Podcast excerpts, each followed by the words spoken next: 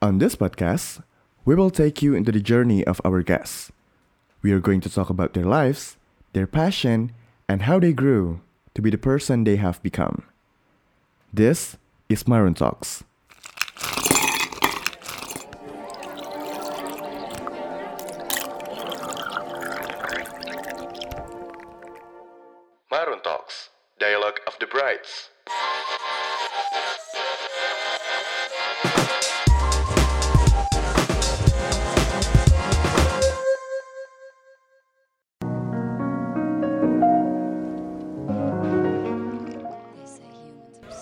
Hello everyone, welcome to the fourth episode of Maroon Talk 17 Days of Not So Secret Diary with your host Rama. Apa kabar nih semuanya? Sekarang gue lagi ada di eh, di mana nih sekarang? Di di Balat X Kaca Piring di eh, Kampung Gelis, Kampung Kampung Gelis. Gelis. Ini base campnya Maroon Talks kalau misalkan lagi eh, record dan sekarang pastinya gue nggak sendiri seperti biasa. Sekarang gue ditemenin sama salah satu orang yang em, di tahun kedua gue kuliah, gue sempet nge-MC di acaranya dan eh, gue tahu eh, orang ini adalah project officer-nya di acara tersebut dan dia tuh membawahi kayak berapa orang sih? 600 orang? Ada mungkin ya. Ada nggak? Nanti gue tanya aja langsung ke orangnya. Ini dia namanya Ardi Arbar. Halo Mas Ardi Arbar. Halo Rama. Mas Arbar ini adalah mahasiswa jurusan hubungan internasional betul Mas Betul sekali. angkatan 2016 2016. dan eh, kalau dilihat dari mukanya kayak nggak pernah tidur soalnya aktif Ya. Kalau ngomong jelek agak usah gitu-gitu dong. Lang- langsung aja langsung. Emang emang itu Enggak, saya rahasia umum. jelek ya saya nggak ngomong jelek Oke. apa kabar Mas Alhamdulillah baik. baik masih Baik. bernafas ya Masih bernafas, masih bernafas. lagi sibuk apa nih sekarang Sekarang lagi sibuk ngurusin radio dan ngurusin startup. Startup. Startupnya dan juga radio nanti kita bakal ngomong di selanjutnya ya. Sabi. Tapi seperti yang tadi gue bilang eh, lo tuh kalau misalkan gue dari awal denger nama lo sebagai project officer salah satu broker itu itu gue tahu ini orang pasti sibuk banget. Rapat pasti adalah makanan sehari-hari ya nggak? Kok ketawa sih masnya jangan sampai saya mendengar jawaban oh enggak waktu itu gue hilang Oh ya? enggak enggak enggak enggak. enggak. Boleh diceritain gak sih em, apa ya? Dari awal kuliah kenapa sekarang lo jadi mahasiswa yang super aktif? Apakah di- apakah lo udah ada niat dari awal atau lo kecemplung? Om, gue bukan tipe orang yang kecemplung sih. Gue memang sudah plan out eh, kalau gue pengen hidup di dunia inilah kayak gitu kayak gue jadi tuh jadi mahasiswa yang stereotipe inilah kayak gitu. Cuma em, Yang aktif ya maksudnya? ya yang aktif di luar kelas ya. Di luar kelas. kelas. Eh, cuma ya satu dua titik kecemplung juga lah. Tapi Oke. biasa kecemplungnya ke hal yang banyak kasih pelajaran sih terutama kayak gitu. Tapi kenapa? Eh, maksudnya apa yang bikin lo bersedia untuk eh, jadi mahasiswa yang aktif di mana-mana? Em, sebenarnya ini udah jadi view gue dari dulu sih. Gue orang yang gue gue merasa gue orang yang eh, harus ada kegiatan. Gue harus ada rutinitas, harus ada yang bisa gue lakukan lah. Karena dari dulu gue kan sebelum aktif di organisasi segala macam gue dulu olahraga ya, aktif di olahraga juga. Oh gitu. Betul. eh, dan udah terbiasa berkegiatan sampai malam, ada latihan segala macam. Dan gue udah kebayang ketika gue masuk universitas, mungkin gue harus ninggalin olahraga karena memang waktu itu sempat ada eh, satu dua hal ya yang bikin gue meninggalkan olahraga Eh, dan beralih untuk fokus ke kegiatan lain yang mungkin udah bukan olahraga lagi tapi tetap menguras pikiran dan tenaga. Tapi yang pasti dorongannya selain dari fisik tadi yang sudah terbiasa sama rutinitas, gue juga terdorong sama terinspirasi sih lebih tepatnya. Terinspirasi sama beberapa orang yang mungkin eh, udah sukses ya, udah jauh udah di luar kampus sana. Dan dengar cerita mereka mengenai apa aja yang mereka lakukan di kampus eh, dan gue I strive to be like them. Dan gue berusaha gimana caranya untuk merep ya menduplikasi ya. Mereplika kegiatan mereka mereka lakukan selama di kampus dulu supaya mungkin ke depannya gue bisa jadi kayak mereka kayak gitu. Apakah udah berhasil? Belum tahu masih dalam tahap percobaan ini Iya sih, bener ya. masih dalam tahap percobaan gitu ya Tapi udah ke arah sana. Insya Allah udah mengarah ke arah yang bener ya Insya Allah udah ke arah. gue belum benar tahu ya. juga nih Tapi dari semua hal ini, tapi berarti eh, dari sebelum masuk Unpad emang aktif. Mungkin waktu, waktu SMA berarti. Waktu SMA. Sebenarnya jujur waktu SMA gue bukan anak yang eh, aktif berorganisasi karena waktu itu gue sekolah di Bogor kan. Sementara rumah gue di Depok. Jadi sebagian besar waktu gue itu udah habis untuk perjalanan. Dan gue rasa kalau dulu SMA selain gue ikut aktif olahraga waktu itu gue ikut basket sama badminton, gue kurang bisa meluangkan waktu untuk kalau tuh SMA apa? Oke osis ya, osis sama MPK karena ya tadi kalau di sana tuh kayak butuh komitmen yang oh lu harus sering di sekolah segala macam. Sementara gue terhalang geografis kayaknya.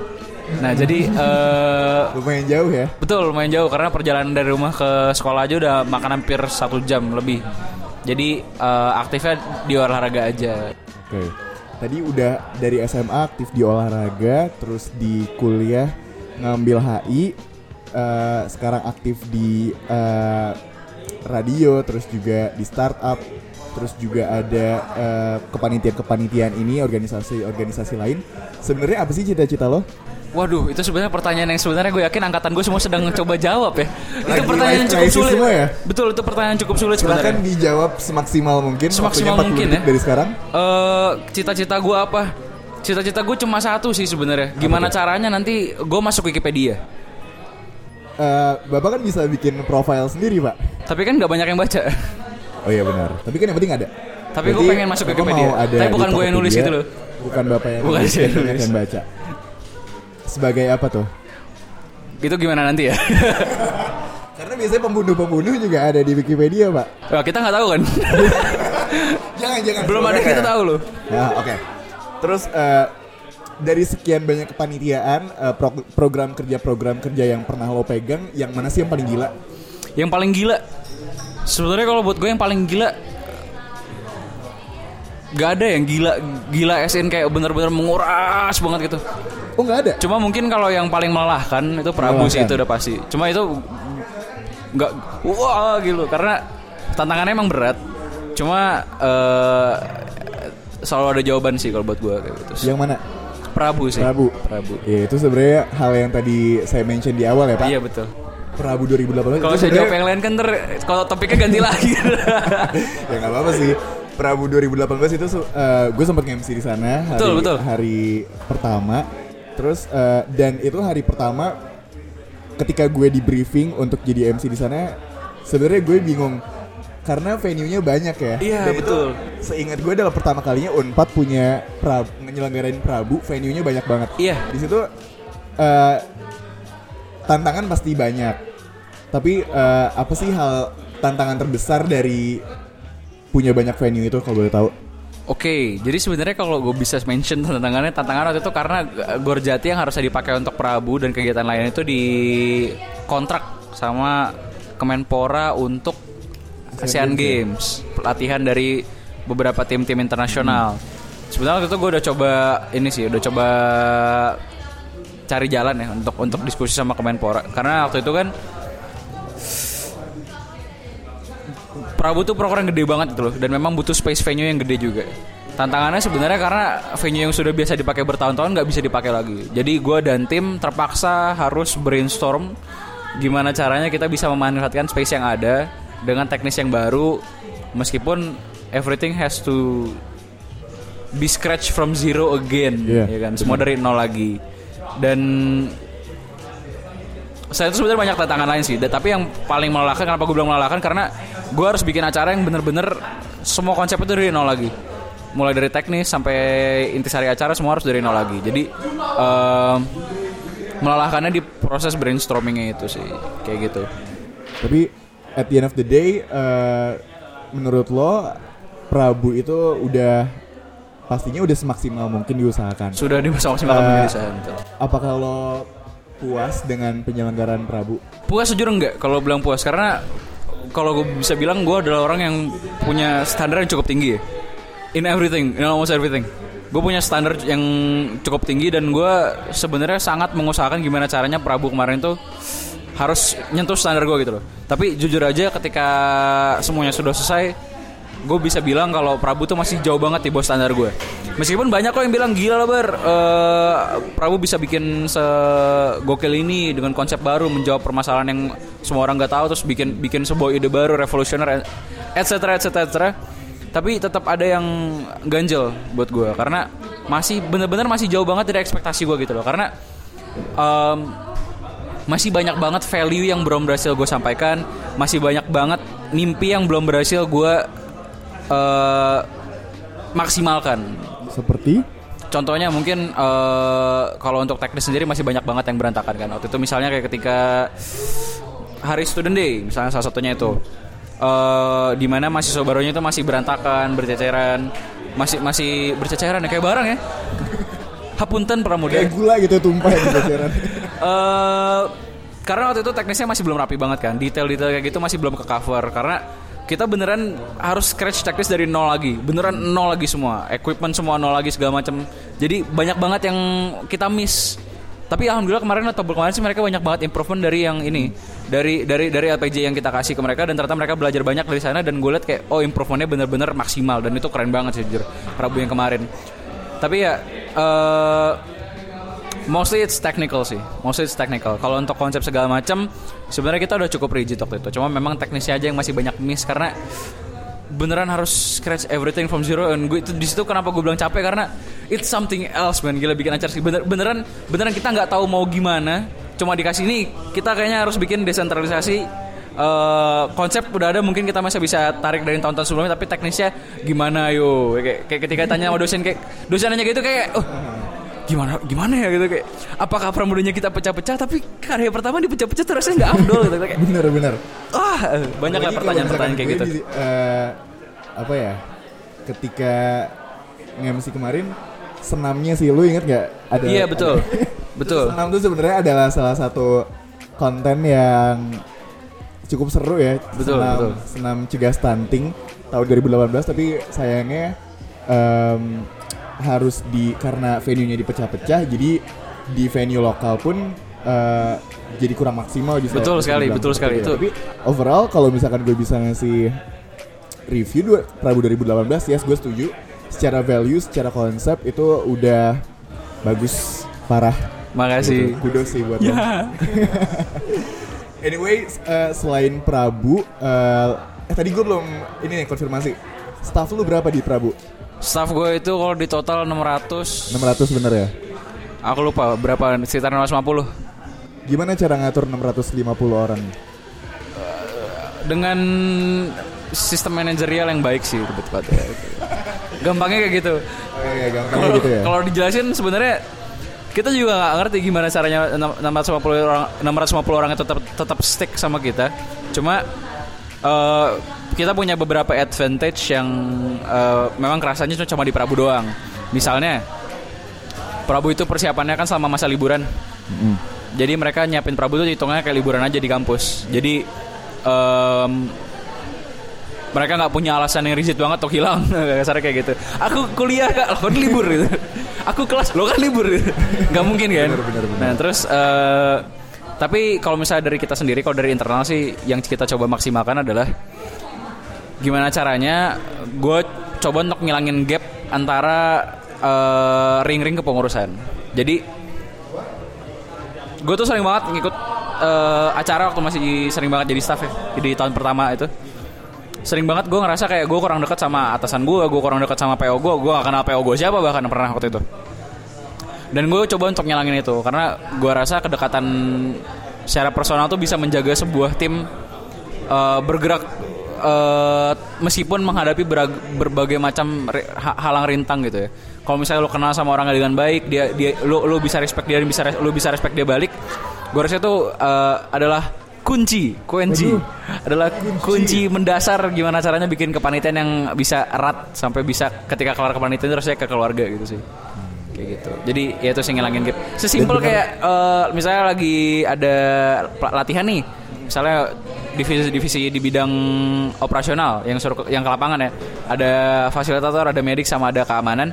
Ketika mereka lagi latihan mereka lagi halal bihalal gue sekedar mampir aja datang untuk hi untuk kenalan sama orang yang duduk samping gue atau siapa tanpa perlu ngenalin diri ya. Kayak yaudah gitu. Iyalah, siapa sih yang kenal Anda? ada yang gak kenal. Oh, ada yang nggak yang nggak kenal. kenal. Karena kan gue bukan orang yang eh gue arbar PO gue nggak doain kayak gitu jujur. Jadi ada aja yang nggak kenal. Jadi kenalan kenalan aja nggak tahu. Tiba-tiba besoknya pas kita lagi briefing ada gue di depan hal-hal simple lucu kayak gitu Gue ya kebayang hal uh, se-awkward apa jadi tapi Jadi orang itu sih. gue orang yang mungkin mudah mm, mengatasi situasi awkward kali ya Oke. karena gue orangnya nyantai banget jadi eh, dulu tuh beneran kayak gue kenal sama anak-anak fasil secara personal meskipun meskipun biasanya kan kalau staff sama ketua tuh agak jauh ya ada gitu nah gue coba ngilangin itu dengan cara beneran turun sampai ke level staff untuk melihat progres mereka seperti apa kayak gitu sih grassroots ya. Oke. Terus selain uh, lo jadi project officer Prabu, sekarang juga lo ma- masih menjabat sebagai uh, general manajernya radio Betul. mahasiswa Unpad. Gimana awalnya lo bisa jadi uh, general manager?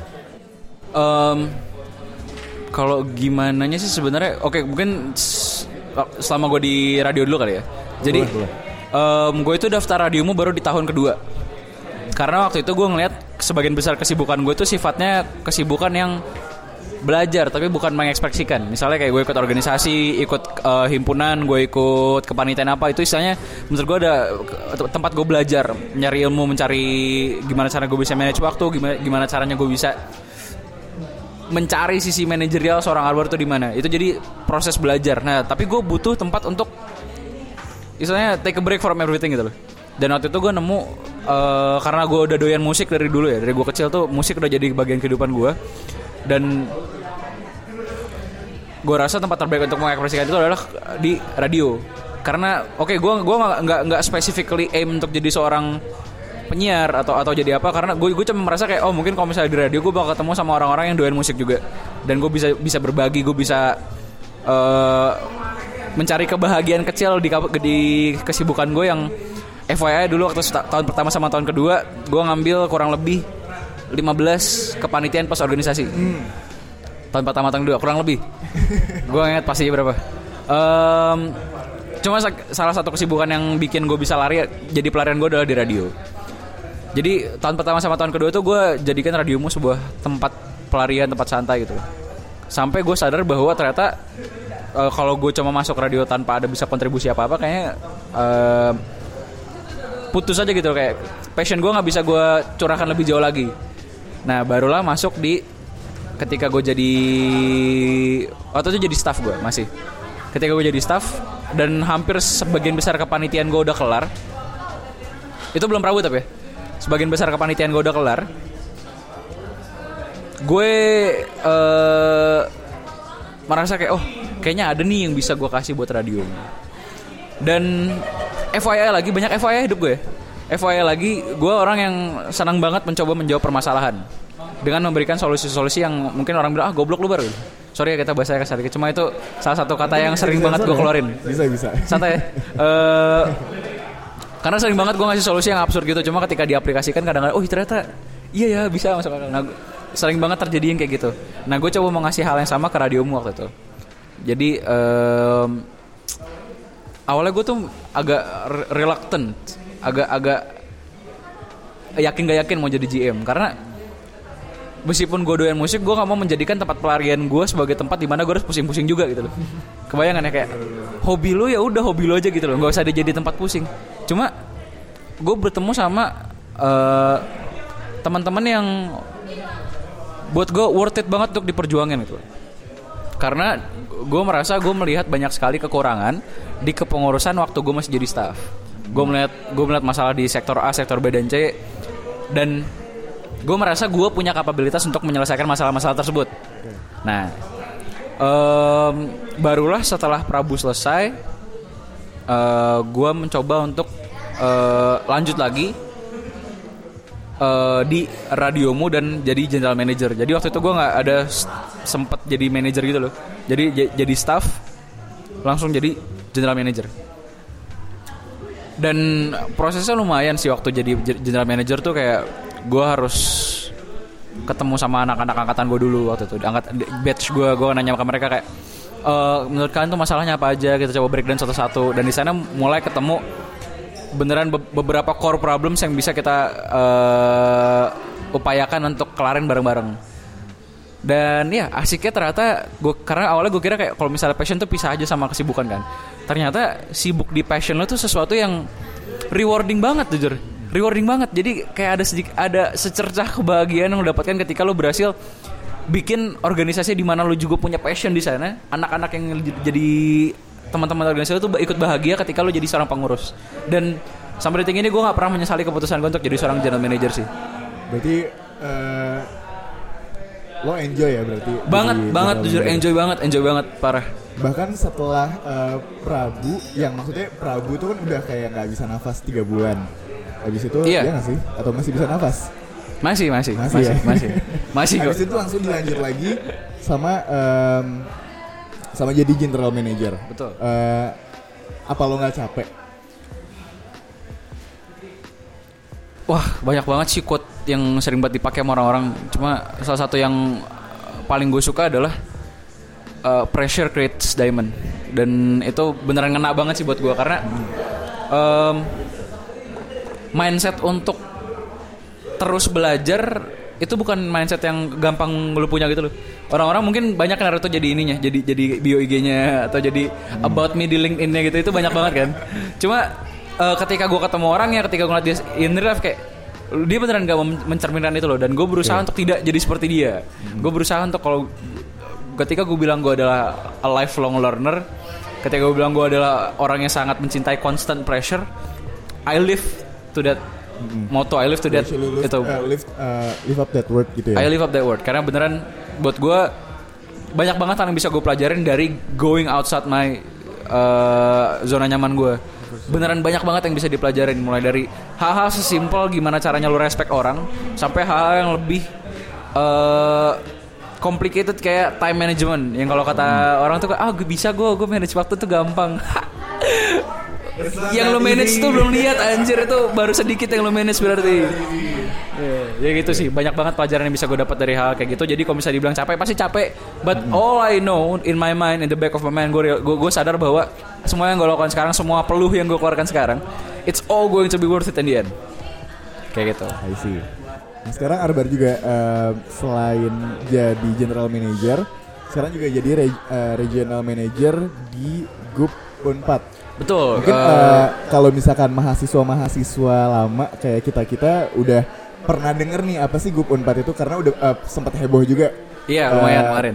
Mungkin kalau misalkan mahasiswa-mahasiswa baru angkatan 2019, mungkin 2018 eh, baru beberapa doang nih yang yang pernah denger GUP Unpad. Boleh Hmm. diceritain sedikit nggak sih apa sih GUP Unpad itu? Oke, jadi sebenarnya kalau orang pikir gue foundernya, sebenarnya gue bukan foundernya sih.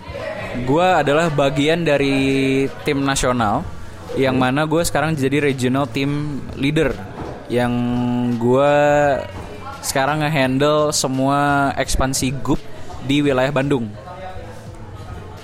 Jadi em, gue sebenarnya bukan orang yang dapat kesempatan pertama kali sih. Jadi ada teman gue, dia anak ISEC eh dan dia ditawarin untuk kerja di GUP. Nah, ini salah satu keuntungan network juga kayak gini. Karena dia kenal gue dan dia ng- ngelihat kerjaan gue sama di kampus ngapain aja, dia nawarin gue, Bar, lu mau nggak eh, jadi leader di GUP? Lu mau nggak eh, bantu ekspansi GUP di sini? Oke, jadi sedikit background soal GUP. GUP itu adalah aplikasi yang tujuan dasarnya adalah menciptakan sebuah apa ya discussion platform, menciptakan sebuah room untuk berbicara bagi setiap universitas. Karena lucunya gini, gue sering banget ngeliat kayak post viral di mana pun itu ya, entah Instagram atau lain. Yang situ anak-anak diskusi mengenai satu topik tertentu, biasanya topik-topik hangat ya. Yang gue ngeliat sih belakangan ini kayaknya makin ramai ke arah yang politik sih menjurusnya. Gue ngeliat kalau gue ngeliat tuh kalau anak-anak kampus tuh seneng banget diskusi bro. Tapi mereka nggak punya platform untuk diskusi satu kampus. Dan banyak banget nih kejadian teman-teman gue yang kayak gue gue yang bener-bener meng apa ya bener-bener menarik perhatian gue adalah ketika teman gue nih ngelihat post depan gue ngetik di laptop. Dia tuh ngetik komentar panjang. Pas udah panjang diketik gak jadi desain sama dia. Dihapus lagi. dia hapus lagi semuanya. Padahal menurut gue komentarnya bagus. Cuma dia takut untuk keluar sebagai namanya sebagai dirinya sendiri. Dia takut untuk komentar. Dia takut untuk ngasih pendapat. Masih ada rasa takut itu karena dia takut di sosial media dia takut dijauhi sama teman-teman segala macam. Banyak banget konsekuensinya dari berani uh, uh, menyuarakan pendapat. Nah jadi di sanalah GUP masuk. Di sanalah GUP hadir untuk mahasiswa. Dan sebenarnya nggak cuma di Unpad doang kita udah ekspansi ke ITB, kita juga udah di di Jogja pun kita udah kita udah di UGM, di UNE, di Sanata Dharma juga ada. Udah ada usernya. Dan di Unpad sendiri salah satu komunitas yang paling besar sih di antara yang lain. Kita udah ada kurang lebih 1000 user. Ya, 1100 lah kurang lebih, 1100 user. So Unpad dan so far growing terus sih. Setiap hari ada yang download meskipun nggak cepet ya, meskipun nggak rapid tapi kita sedang berusaha untuk uh, menawarkan platform diskusi ini ke anak unpad secara keseluruhan kayak gitu. Kita okay. we're in progress. It's a slow progress but uh, it's a sure progress. A progress is a progress ya. Progress is a progress. Lebih baik progresnya dikit-dikit tapi nanti uh, in the end uh, mulai banyak gitu ya. Amin. Uh, tapi um, gimana ya? How do I put it in words? Gimana kabar grup sekarang? Okay. Apakah karena karena kalau misalnya kita lihat di uh, sosial medianya ini uh, dulu pernah pernah pernah booming di di Unpad. Gue juga pernah download waktu itu di HP gue yang lama. Terus HP gue nggak tahu ke mana. Terus gue belum download lagi curhat. Oke. Okay. nanti download uh, habis podcast ya. kenapa? Yang dengar podcast harus download habis ini. Bener yang denger ini harus harus download. Gimana kabarnya sekarang jadi sekarang tuh kita lagi coba uh, step back dulu dari campaign. Kita lagi coba step back dulu dari segala macam urusan promosi dan marketing segala macam. Kita sedang mencoba untuk mereparasi aplikasi kita untuk lebih cocok sama market di sini. Jadi Goop itu kan sebenarnya uh, foundernya di Hong Kong ya. Jadi Goop itu basic base di Hong Kong. Jadi internal timnya di Hong Kong semua. Dan di Hong Kong Goop ini udah lumayan banyak penggunanya, sekitar 40 ribu. Kita lagi coba ekspansi ke sini di Indonesia. Nah, uh, di Hong Kong aplikasi ini melejit karena mungkin di sana alur informasi itu tidak uh, bergerak semudah di sini. Karena di sana uh, kalau gue dapat dari cerita dari internal tim ya, dari core team dari para founders, di sana itu kulturnya berbeda di sini di dalam urusan bersosialisasi sih kurang lebih. Nah, kita kita menyadari bahwa ada sedikit perbedaan kultur antara Hong Kong dengan Indonesia dan yang mungkin langkah yang salah gue lakukan di awal-awal ketika gue kepilih jadi regional team manager adalah kita ter kita ter, berfokus untuk menjual produk yang mungkin tidak sesuai dengan kebutuhan mahasiswa di sini. Nah itulah mungkin yang e, menurut kita jadi alasan utama kenapa aplikasi kita berkembangnya sedikit lambat. Jadi kita sekarang lagi step back. Mungkin itulah kenapa di sosial media mungkin nggak gitu rame. Meskipun sekarang IG advertisement masih jalan ya advertising campaign semua masih jalan. Cuma uh, we're going with a slow pace. Kita lebih fokus untuk survei. Kita lebih fokus untuk nanya teman-teman kita, para pengguna. Kita nanya, kita ajak ketemu. Kayak menurut tuh grup tuh kayak gimana sih? Uh, apa yang kurang dari kita? Menurut kalian ide startup ini kayak gimana sih? Bagus atau enggak? Pertanyaan-pertanyaan kayak gitu yang uh, kita gunakan sebagai senjata untuk berkembang ke depannya. Tidak hanya dalam urusan marketing, tapi juga dalam urusan uh, aplikasinya itu sendiri. Kayak gitu. Jadi currently we're taking a step back. Uh, jadi kalau kata orang tuh uh, mundur satu langkah ke belakang untuk maju empat langkah ke depan. Kayak gitu. Gue lupa itu dari kata siapa. Cuma itu masih terngiang-ngiang di kepala gue oke. Okay. terus um, berarti gue sekarang masih jalan? Masih jalan. Masih jalan radiomu masih jalan. Masih jalan pernah uh, at some point ngambil 15 kepanitiaan dulu dulu jangan diikuti ya teman-teman jangan diikuti? jangan diikuti teman-teman gue ngambil, gue ngambil itu karena alasannya tertentu waktu itu karena SMA kan gue nggak aktif ya Oke. Okay. Dan gue orangnya sangat, oke, okay, gue sangat mencintai kompetisi, nggak ambisius ya, nggak ambisius. Oke, okay, underline nggak ambisius. Gue hanya mencintai kompetisi. Gue mau ngelihat diri gue bisa bersaing sama orang lain dan ketika lu nggak aktif di SMA lu nggak paham organisasi itu apa lu nggak paham yang namanya kepanitiaan itu apa jadi ketika gue masuk kuliah gue merasa kayak oh shit I have oke okay, sorry oh man I have to learn everything mas di sini bisa disensor okay. santai aja I I need to learn everything. I want to know everything. Gue pengen tahu sebenarnya organisasi itu apa, kepanitiaan itu apa, semua kegiatan di kampus tuh gue pengen tahu semuanya kayak gimana. Gue pengen okay. Dan dan buat gue jawabannya adalah itu ambil se- sebagian kurang lebih itu segitu banyaknya kepanitiaan. Dan hampir semua kepanitiaan gue ngambil orang yang berbeda kayak satu di acara satu jadi hampir semua divisi itu gue cobain dalam kurun waktu satu tahun itu. Dan tujuannya supaya gue bisa bersaing sama orang lain. Ya alhamdulillah kebukti kan di tahun kedua gue bisa punya mindset yang cocok untuk jadi seorang pemimpin entah itu di organisasi entah itu di kepanitiaan apa pun itu. Tapi eh, itu semua karena gue pengen belajar segitunya. Tapi ya banyak kok minusnya. Contoh IPK jatuh.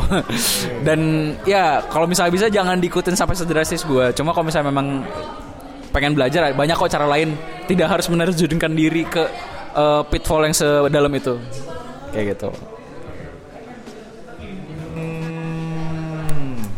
apa yang berubah dari eh, Arbar yang dulu? Oke. Seorang siswa yang tinggal di Depok tapi sekolahnya di Bogor sampai sekarang Arbar yang sekarang ini. Apa yang berubah? Apa yang berubah? Susah sebenarnya jawab apa yang berubah karena lebih mudah kayaknya lebih mudah apa yang nggak berubah sih. Apa yang nggak berubah? Yang nggak berubah I'm still excited about so many things meskipun gue udah ikut segitu banyaknya kepanitiaan organisasi nggak tahu kenapa gue orangnya kayak gue masih tetap harus belajar ini itu. Gue there's still so much to learn dan gue dan gue selalu excited ketika datang kesempatan baru. Mau itu kerja di startup mau itu jualan kaos mau itu ngapain ketika datang kesempatan untuk berkreasi di bidang-bidang tersebut gue masih excited. Mungkin kalau misalnya lo tanya apa yang berubah mungkin gue sekarang udah bisa manage waktu dengan lebih baik. Gue mungkin ya jawaban-jawaban normatif seperti itu kali ya. Cuma yang paling berasa buat gue adalah apa yang nggak berubah sih jujur.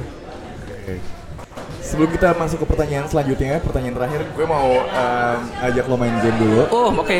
Main games. Apa nih apa nih? Main apa game nih? game. Gampang banget fill in the blank. Fill in the gue blank. bakal ngasih satu kalimat. Lo fill the blank. Oke. lo isi yang eh, titik-titik. Seru nih seru nih seru nih. Hal pertama yang gue lakukan setelah bangun tidur adalah oh harus cepat ya jawabnya atau enggak? Eh, boleh mikir dulu. Tapi Boleh jangan mikir dulu. lama-lama durasi pak. Hal pertama yang gue buka eh yang gue lakukan setelah bangun tidur adalah buka mata. Setelah itu? Setelah itu gue ngecek HP Ngecek itu udah wajib. Itu udah wajib. Karena gue bangun uh, itu biasanya karena alarm kan. Gue gue Oke, matiin oke, alarm oke. dulu. Berarti matiin alarm dulu dong. Betul, matiin alarm dulu. ngecek HP bener. Makanan favorit gue di Jatinangor adalah?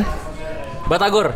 Batagor mana oh banyak yang mana aja? Yang penting Mana? batagor. Oh, yang penting Batagor. Yang penting batagor. Biasanya di mana? Biasanya yang di depan kampung gelis. Eh bukan sorry. Apa? Gria. Oh iya. Iya itu ada pinggir jalan. Itu delapan ribu seporsi. Ah. itu enak banget guys. Kalau ke kampus outfit andalan gue adalah? Uh, anything anything black. Anything black. anything black. Hal yang selalu ada di dalam tas gue adalah? Obeng sama kunci pas. Lu serius? serius gue gue ke kampus jarang bawa buku gue bawanya obeng kunci L kunci pas Eh, ngapain Pak? Mohon maaf. motor Oh iya, benar. motor saya suka itu Emang penyakitan nggak ada bagasinya Pak? Nggak ada kebetulan motor-motor kayak gitu lah Oke motor oke barang oke. Oh saya belum lihat motor bapak sih Pak. Nggak apa-apa, boleh, Oke. boleh. Belakangan, Berarti belakangan. obeng sama kunci pas kunci pas. Tiap ada kuliah pagi biasanya gue bangun jam tujuh kelasnya jam berapa? setengah tujuh eh sorry setengah delapan Oke oke. tapi gue udah, udah gak ada kelas pagi Oh iya. Sama sekali. Oke. Ya udah pertanyaannya. tahun terakhir. Kalau ada kuliah siang biasanya gue bangun jam. jam gue nggak pernah bangun di atas jam 9 yang pasti Oh iya. nggak pernah nggak bisa nggak tahu kenapa gue tidur jam 6 bangunnya tetap jam 8 nggak tahu kenapa Gue pengen deh su- punya super power kayak gitu. nggak tahu Oke. kenapa nggak tahu kenapa gue paling males sama partner kerja yang yang mental block apa tuh? Aduh gue nggak bisa bar. Gini gini gini gini. Padahal dia belum nyobain. Tapi aduh aduh gue nggak bisa aduh gue nggak bisa. Gemes ya. gemes kayak cobain aja dulu eh, cobain aja dulu. Pengennya tuh jawabnya kayak gitu cuma dia nggak paham paham kayak gitu. Itu paling ngeselin. Mendingan sama partner yang salah berani salah. Jujur mendingan sama partner yang berani salah. Oke. Terakhir. Empat sifat yang biasanya orang lain sebut tentang gue adalah? Waduh sifat. Eh empat arbarit aduh susah sih. Arbarit empat. Yang paling gue suka adalah ketika orang eh, bilang arbar lu aneh. Itu satu gue nggak tahu kenapa. Nggak tahu gue ngerasa gue gue pun merasa gue aneh gitu loh. Dari dari entah itu dari gaya berpakaian entah itu dari musik tapi orang-orang ngeliat gue kayak "Eh, aneh dalam konteks kayak oh he's something else mungkin ya kali ya itu satu. gue aneh weird gue nggak tahu itu gimana orang-orang sih cuma pasti sering bilang lu aneh lu gitu. Seneng-seneng aja. Karena nomor dua? Nomor dua Arbar itu rapi. Rapi rapi banget gue nggak pernah keluar pakai sendal percaya nggak? Gue nggak pernah keluar pakai sendal. Sa- pernah sekali dua kali itu ketika kepepet doang tapi kalau misalnya keluar cuma lima menit gitu ya misalnya cuma ngambil laundry itu gue pakai sendal. Cuma kalau ke kampus ke mana pun jalan-jalan sekalipun Arbar tidak pernah mengenakan sendal. Karena menurut gue sendal itu tidak rapi. Kecuali kalau ada ada orang yang cocok pakai sendal ya. Cuma cuma karena gue nggak ngerasa nggak cocok aja gue ngerasa gitu. biasanya katanya orang ganteng tuh cocok pakai apa aja tapi gue nggak bisa relate gitu loh. Mungkin karena gue nggak ganteng sama kayak lo. Tampan tuh subjektif. Nomor tiga. Nomor tiga Arbar itu detail banget orangnya. Detail banget. Gue sangat sangat cermat ke hal yang sifatnya sistematis gitu loh. Jadi gue ketika kerja tuh gue beneran senang banget menciptakan sebuah sistem baru. Gue lebih senang jalan berdasarkan cara gue. Oke itu bukan.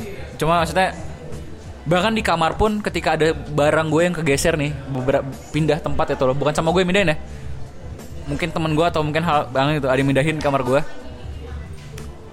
gue tahu kalau itu pindah gitu loh. karena beneran kayak I pay attention to detail. Misalnya nih buku gue tadinya gue taruh atas eh, laptop tiba-tiba ada di eh, atas galon. Gue tuh ngerasa ada yang salah gitu loh kayak hmm kayak ada yang berubah nih. Itu bawaan lahir atau gue lu membiasakan kayak dari gitu? kecil tapi udah kayak gitu. Gue gue ada OCD sempat ada sempat Oke. sempat didiagnose OCD tapi kayaknya nggak parah. Cuma uh, sampai detik ini I pay attention to details too much attention maybe way too much. Well, I worry too much sometimes yes. Nomor empat? Nomor 4 Arbar itu nekat. Nekat. Nekat. Jujur gue gua memang merasa gue orang nekat sih. Kayak Nggak, ini kalau ini mungkin turunan bokap kali ya. We jump to conclusions that so kayak ketika ketika oke ini mungkin uh, ini bakal ada keluar kata kasar dikit tapi ini idiom ya. Cuma maksudnya kayak uh, kita tuh tipe manusia yang kayak uh, say fuck it uh, and then we do it first, think later. Kita sering banget kayak gitu. Cuma um, sedang dikurangi sih sedang sedang dikurangi berusaha untuk jadi orang yang uh, menyusun strategi terlebih dahulu kayak gitu Oke. kayak gitu sih mungkin Oke. Pertanyaan terakhir sebelum kita tutup, apa sih tips atau petuah lah ya atau nasihat lah buat dari lo buat mahasiswa-mahasiswa baru mungkin atau angkatan 2018 yang eh, aspire to be you. Maksudnya bisa oh my eh, god oh my god, keren banget gak sih? oh my god Yang bisa aktif di mana-mana, em, bisa handle acara sebesar Prabu yang em, yang ikut apa sih tadi panitianya aja 600 650 gitu. Apa sih tips dari lo buat mereka biar bisa survive? Hmm. Dua sih kayaknya dua. Gua kasih dua aja. Eh, yang pertama itu be bold. Be bold sama lo jadi mahasiswa. I mean yang gua nggak suka dari teman-teman gue beberapa teman-teman gue mungkin ya adalah ketika mereka tuh terlalu takut untuk melakukan sesuatu gitu karena merasa harus eh, ada ritual dulu es eh, esin kayak oh gue kalau mau gue gini gue harus gini gini gini, gini lu bar kayak gue terlalu gue gue mau gue mau interview acara ini tapi katanya harus siapin ayu terus dia kayak overthink gitu segala macam just go in bro. Just kalau kata Shia LaBeouf just do it. Just do it. Be bold man. Ju- just just just step forward first and see what's coming to you later. Yang kedua adalah kalau lo mau sukses di kampus kalau mau survive di kampus it all starts from one simple thing to do which is asking questions semua hal yang gue pelajarin semua hal yang gue temukan itu semua berasal dari uh, keinginan gue untuk cari tahu lebih lanjut. Gue adalah orang yang sangat tidak setuju dengan hadirnya tradisi yang buta. Gue nggak suka sama hal-hal yang uh, harus ngikutin apa yang sudah terjadi tahun sebelumnya. Gue suka gue suka hal-hal baru. Gue suka hal revolusioner. Gue suka hal yang mungkin uh, belum dianggap normal. Dan gue rasa itu adalah esensi dari kehidupan kampus gitu loh everything's changing Semu- lo harus bisa beradaptasi dan semua tuh berawal dari satu hal just ask a question man nanya aja dulu sesimpel kayak gitu Intinya be brave dan be critical sih critical. Be critical, Oke. yes. Jadi we have uh, uh, Ar siapa sih nama lo? Ardi Arbar everyone. oh my god Phil. Ardi Arbar everyone. Gila itu keren banget. Gue benar-benar dapat banyak insight dari lo. Em, apalagi kalau misalnya boleh jujur sebenarnya gue juga tipe orang yang unlike you gue gue justru seneng nyebut diri gue sendiri ambisius. Oh, gitu. oke. tapi tapi gue gue masih masih em, nyoba jadi orang yang kayak lo tadi pay attention to detail and everything bla bla Thank you so much udah uh, udah mau sharing sama Maroon Talks Oh, uh, it's an honor, it's an uh, honor. Mas Denda semua kalau misalkan mau um, ngobrol-ngobrol ingin uh, satu langkah lebih dekat dengan Ardi Arbar bisa langsung aja follow Instagramnya di at Ardi Arbar. Ardi Arbar. Iya. Saya orangnya straightforward, Mang. Oke baik Oke itu dia Keep it uh, simple, ya. Thank you so much uh, Marooners Makasih banyak Arbar um, Thank Sukses you. terus Sama grupnya Jangan lupa buat uh, Mas Denda semua untuk follow uh, Follow lagi Boleh ya nggak apa-apa follow Boleh. juga ya atau Follow download Instagram juga, kita. uh, grup Unpad kita nanti bakal diskusi di situ. Kita bakal banyak ngobrol ba- banyak di situ. Download startup gue yang satu lagi juga namanya Apa tuh? Hero. Itu radio komunitas jadi sebandung. It also, jadi kita pengen menciptakan satu platform di mana semua radio komunitas bisa masuk. Podcast juga bisa masuk. Itu Oh ya? namanya Hero H E A R O Hear. Hear Listen belakangnya tambahin O. Lu bisa download di Play Store sama App Store. Jadi dua itu wajib di download kalau lu mahasiswa. Group Chat sama Hero. Baik. Makasih makasih banyak Adi Arbar. Uh, Marooners, thank you so much for listening. Uh, I'll see you on the next one. Bye bye. bye Halo perkenalkan gue Tio, gue PIC-nya Maroon Talks. Terima kasih udah mendengarkan episode ini. Jangan lupa share podcast ini di media sosial kalian. Dan sampai jumpa dengan episode. Ciao